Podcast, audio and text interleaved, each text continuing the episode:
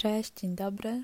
Nagrywam dla Was e, drugą część artykułu o zaburzeniu obsesyjno-kompulsyjnym w świetle umiejętności uważności w terapii poznawczo-behawioralnej. W drugiej części zajmiemy się stroną behawioralną terapii CBT w leczeniu zaburzenia obsesyjno-kompulsyjnego. E, oczywiście z elementami umiejętności uważności bardzo ważnej w TBT. Zaburzenia obsesyjno-kompulsyjne w teorii warunkowania klasycznego. Mogłeś lub mogłaś słyszeć o eksperymencie Pawłowa, w którym e, powtarzał on podawanie psom jedzenia przy dźwięku dzwonka. Pies, silniący się na widok jedzenia, po jakimś czasie zaczął silnić się na sam dźwięk dzwonka. Jest to przykład wyuczonej reakcji na proces zwany warunkowaniem klasycznym w ramach którego reakcja ślinienia się została połączona z bodźcem w postaci dźwięku dzwonka. Podobnie to wygląda w zaburzeniu obsesyjno-kompulsyjnym. Poczucie lęku zostaje powiązane z naszymi niechcianymi myślami.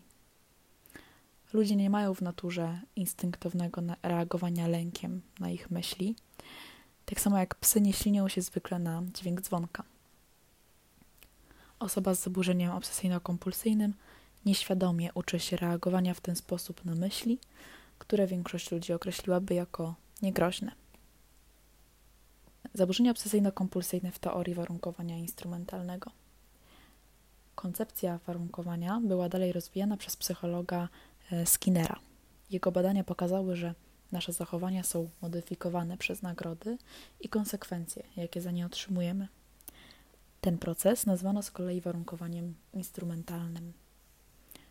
Ludzie z zaburzeniem obsesyjno-kompulsyjnym postępują kompulsyjnie, żeby zmniejszyć napięcie. Jednak paradoksalnie ulżenie sobie w ten sposób powoduje więcej kompulsji, ponieważ jesteśmy tak zaprogramowani, żeby powtarzać zachowanie, które przyczynia się do redukcji dyskomfortu. W psychologii nazywamy to wzmocnieniem negatywnym, ponieważ oznacza ono usunięcie nieprzyjemnego bodźca, w tym przypadku lęku. Kompulsywne zachowania chwilowo redukują więc dyskomfort, a osoba z obsesyjno-kompulsyjnym zaburzeniem zamyka się w pętli negatywnego wzmocnienia. Nieprzyjemne myśli powodują lęk, który prowadzi do zachowań kompulsyjnych, a te rzeczywiście minimalizują stres, przynoszący chwilową ulgę i tym samym wzmacniając kompulsywne zachowania. Prowadzi to do tego, że zwiększa się prawdopodobieństwo, że następnym razem taka osoba w podobnej sytuacji również będzie mm, sobie radziła z pomocą kompulsji. Jest to tak zwany cykl obsesyjno-kompulsyjny. Zmiana naszej reakcji behawioralnej na niechcianą myśl może być początkowo bardzo niewygodna. Jednak nasz umysł ma zdolność adaptowania się dzięki procesowi zwanemu habituacją. Zatrzymywanie kompulsyjnych i unikających zachowań zatrzymuje również negatywne wzmacnianie. I po pewnym czasie uczymy się, że potrafimy tolerować obecność niechcianych myśli. Efektem jest to, że myśli, które były początkowo triggerujące, czyli wyzwalały w nas reakcje w postaci lęku, po pewnym czasie już takie nie są. W ramach terapii behawioralnej, czyli terapii zachowania, zakłada się, że najbardziej efektywna dla zmiany jest kontrola właśnie tego, czyli naszego zachowania. Zadaniem osoby korzystającej z takiego rodzaju pomocy jest więc wybieranie swojego zachowania w reakcji na bodziec, co ma mieć również wpływ na procesy myślowe czy emocjonalne. Nie masz wpływu na to, co się dzieje w Twoim mózgu. Mózg jest jednym z organów Twojego ciała. I to, czym ten organ się zajmuje, to m.in. generowanie myśli. Ty możesz te myśli jedynie odbierać, łapać, ale ich nie tworzysz. Robi to twój mózg. Na to, jakie myśli się pojawiają, nie masz wpływu. Próby ich kontrolowania przez ocenianie ich lub tłumienie mają swój efekt właśnie w kompulsjach. W skrócie, mamy wpływ na to, co robimy z myślami, a nie na sam fakt ich pojawiania się. Podobnie jest z emocjami. Emocje możemy regulować, możemy nie umożliwiać im determinowania naszych zachowań, ale gdybyśmy mieli kontrolę nad tym, jaka emocja się pojawia, prawdopodobnie zawsze wybieralibyśmy emocje przyjemne lub w większości przypadków. Doznania fizyczne i impulsy przychodzą i odchodzą, a pod naszą kontrolą jest to, w jaki sposób na nie reagujemy. Ciężko jest to zaakceptować na początku, szczególnie jeśli cierpi się na zaburzenia obsesyjno-kompulsyjne. Jednak należy zauważyć, że kompulsje to tak samo wybory dotyczące naszego zachowania, tylko bardziej uciążliwe. Zmiana zachowania pociągnie zmiany myśli i emocji.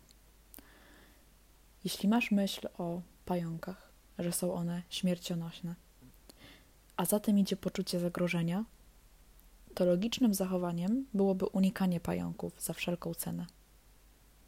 Jeśli na co dzień nie masz powodu do tego, żeby przebywać wśród pająków, to metoda unikania prawdopodobnie bardzo dobrze się sprawdzi.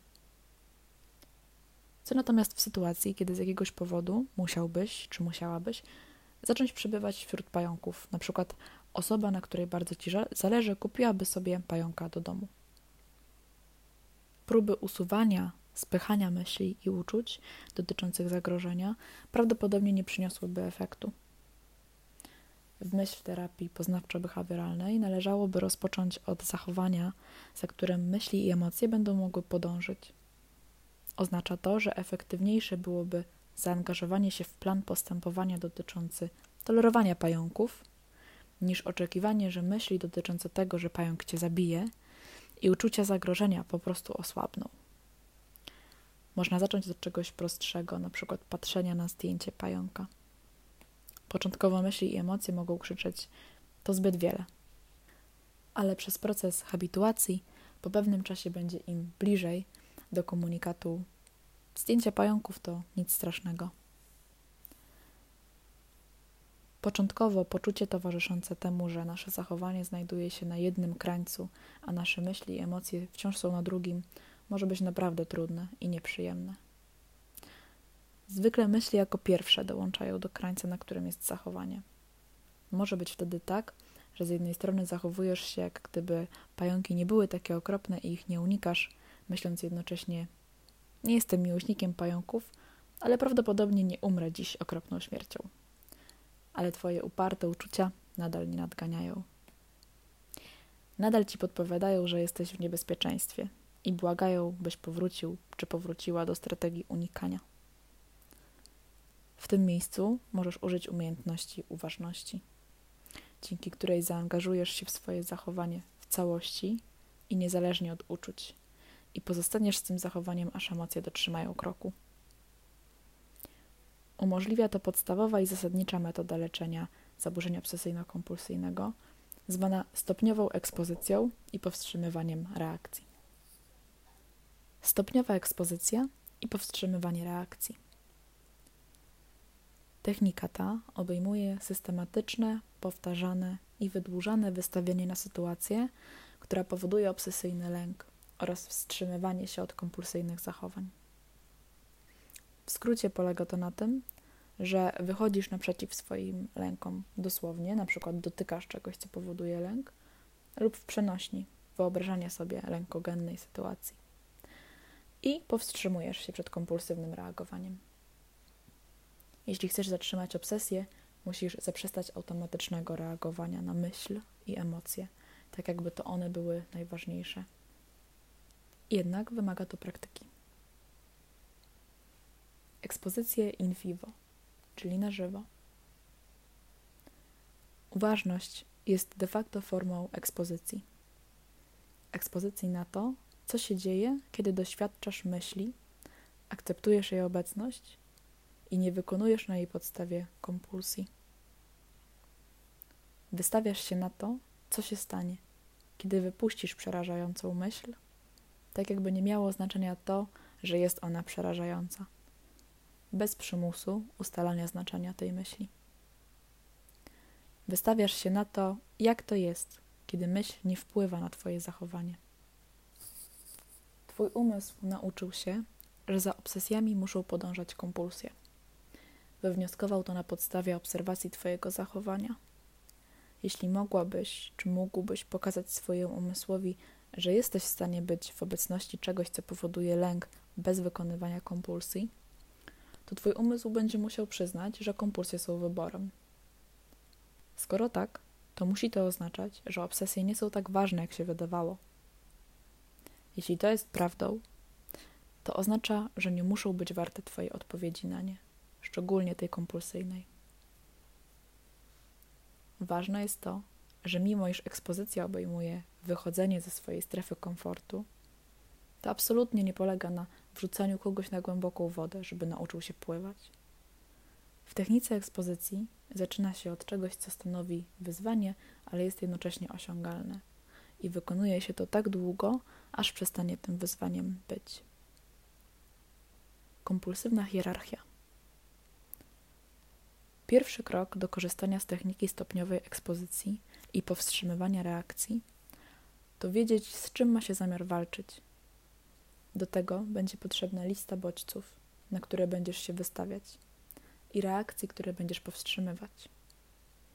Na tę chwilę nie skupiaj się na kolejności, w jakiej je umieścisz. Po pierwsze, stwórz listę swoich kompulsji. Obejmuje to fizyczne lub umysłowe rytuały, w które się angażujesz, żeby poczuć się lepiej w obliczu obsesji.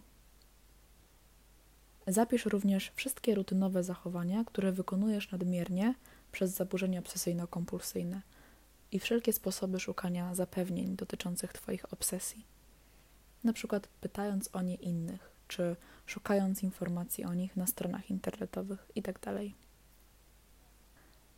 po drugie, stwórz listę tego, czego unikasz przez Twoje obsesje. Możesz unikać tych rzeczy świadomie, bo są na co dzień w Twoim otoczeniu, na przykład noże, koty, samochody. Innych możesz unikać rzadko, bo ich nie widujesz, ale samo przewidywanie ich zobaczenia powoduje silny impuls do unikania. Na przykład pornografia obejmująca inną orientację seksualną od Twojej, horrory i temu podobne. Teraz rozważ obecność, którego bodźca byłaby dla ciebie najtrudniejsza. Jaki poziom dyskomfortu wiązałby się z każdym z nich? Możesz te pozycje ponumerować. Jeśli zmienisz zdanie co do trudności którejś z nich, w każdej chwili będziesz mógł, mogła zmienić numerację.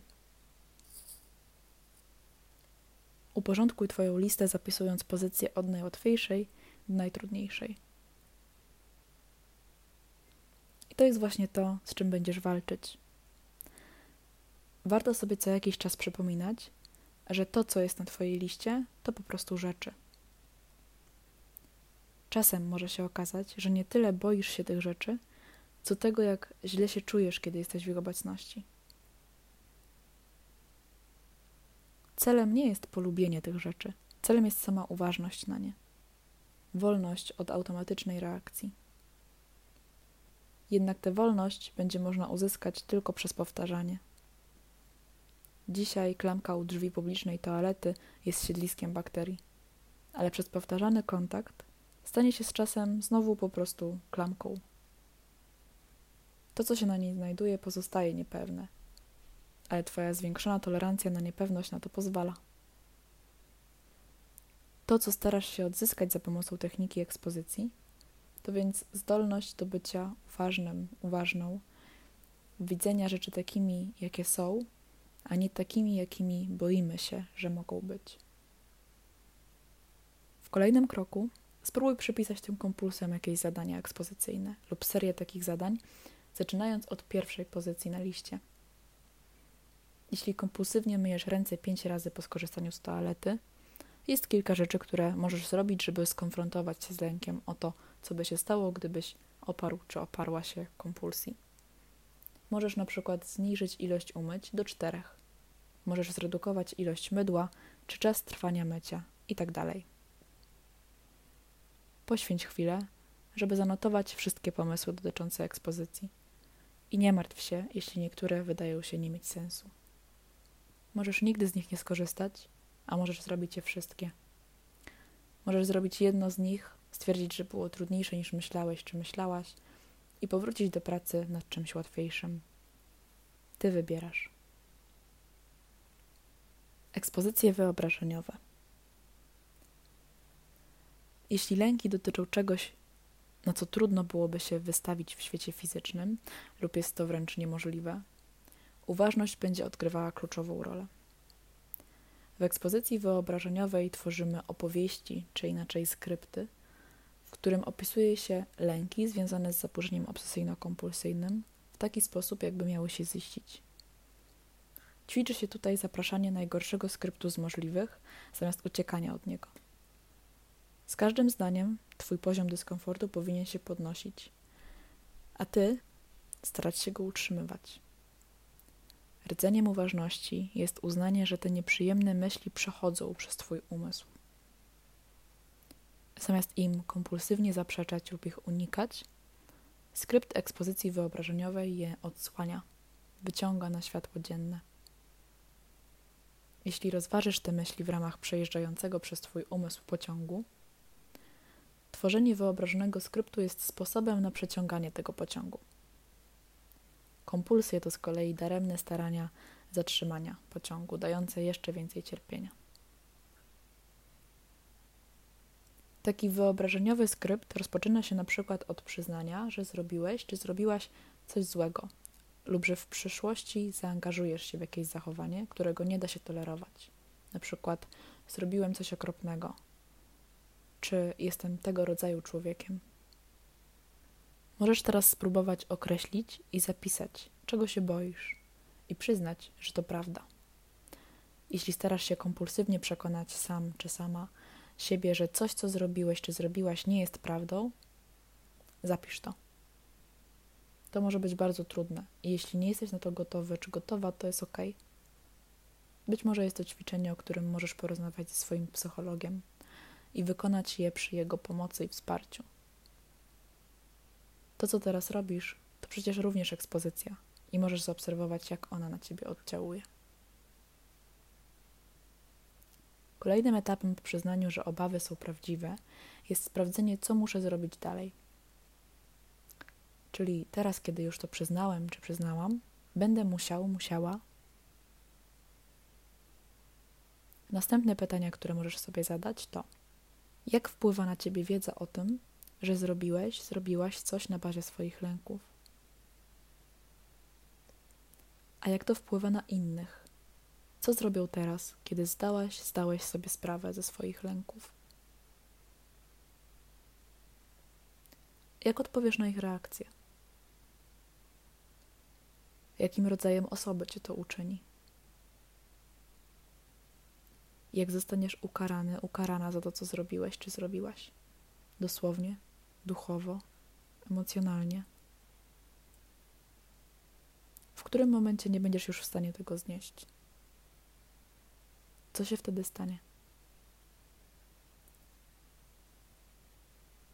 Naukę wyobrażeniowych skryptów można porównać z nauką przyjmowania ciosów. Zaburzenie obsesyjno-kompulsyjne w końcu się wyczerpuje. Możesz być wtedy bardzo obolały czy obolała, ale nie umierasz. Taka jest rzeczywistość uważności. Myśli nie mogą cię zabić.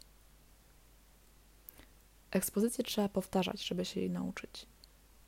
Jednym sposobem powtarzania ekspozycji wyobrażeniowej jest pisanie historii codziennie na nowo. Historia może się zmieniać każdego dnia. Może pojawią się inne lęki, ale format powinien być zachowany. Pamiętaj, że celem jest wywołanie emocji. Tylko wywołując ją, możesz nauczyć się, jak na nią nadmiernie nie odpowiadać. Inną strategią powtarzania jest zapisanie sobie jednego skryptu lub i nagranie go oraz jego odczytywanie czy odsłuchiwanie.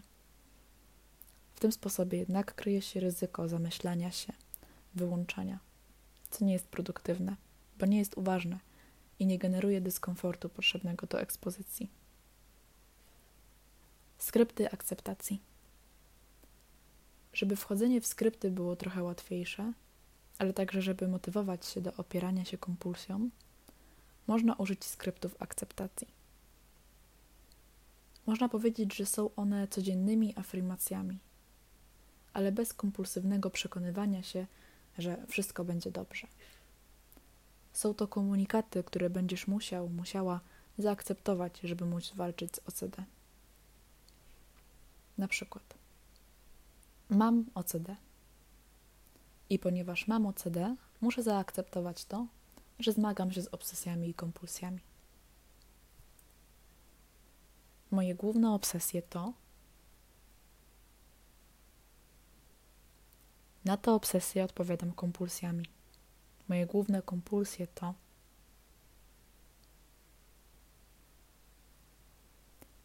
Muszę zaakceptować to, że być może moim obsesjom nigdy nie będzie towarzyszyło poczucie pewności. To, czego mogę być pewny czy pewna, to, że kontynuowanie kompulsji będzie kontynuowało moje poddawanie się OCD.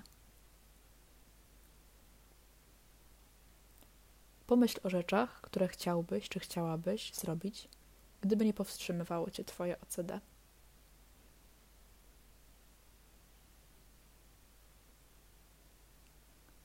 Zasługuje na to, żeby móc. Będę musiał, musiała zaakceptować niechciane myśli i uczucia, kiedy zacznę robić te rzeczy. Przede mną wyboista droga, ale jestem wartościową osobą i zasługuję na dobrą jakość życia. Skrypty akceptacji obejmują ekspozycję behawioralną, bo konfrontujesz się ze swoimi lękami i niepewnością dotyczącą obsesji.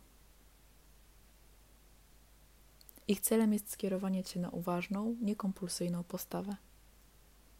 Dobrze jest czytać je raz lub dwa razy dziennie. Ekspozycje generalizowane. Ekspozycje generalizowane to nie indywidualne ćwiczenia, ale ciągłe przypomnienia. Ich celem jest uwarunkowanie się na to, żeby nie być zaskakiwanym przez pojawiający się bodziec, czyli trigger. Kreuje to otoczenie bez ucieczki i uniemożliwia efektywne kompulsje. Jedną z form tych przypomnień może być ustawienie sobie na pulpicie komputera zdjęcia, które przypomina o obsesjach. Można ponaklejać w domu w różnych miejscach kartki ze słowami, liczbami, symbolami, nosić ubrania, które przypominają o obsesjach, jeździć przez specyficzne miejsca w drodze do pracy. Jest to sposób na przełamywanie Twoich oporów przed obecnością myśli i zrobienie kroku w kierunku uważnej akceptacji. Oczywiście na początku te przypomnienia będą trudne, ale z czasem przestaną ci przeszkadzać. Pojawi się impuls do kompulsywnego zachowania, który porzucisz, bo zaraz pojawi się kolejny. Kiedy przyzwyczaisz się do nieodpowiadania, zgeneralizowana ekspozycja przestanie być zagrażająca. Mam nadzieję, że ten artykuł przybliżył Wam problematykę OCD w terapii behawioralnej. Pozdrawiam serdecznie i do usłyszenia.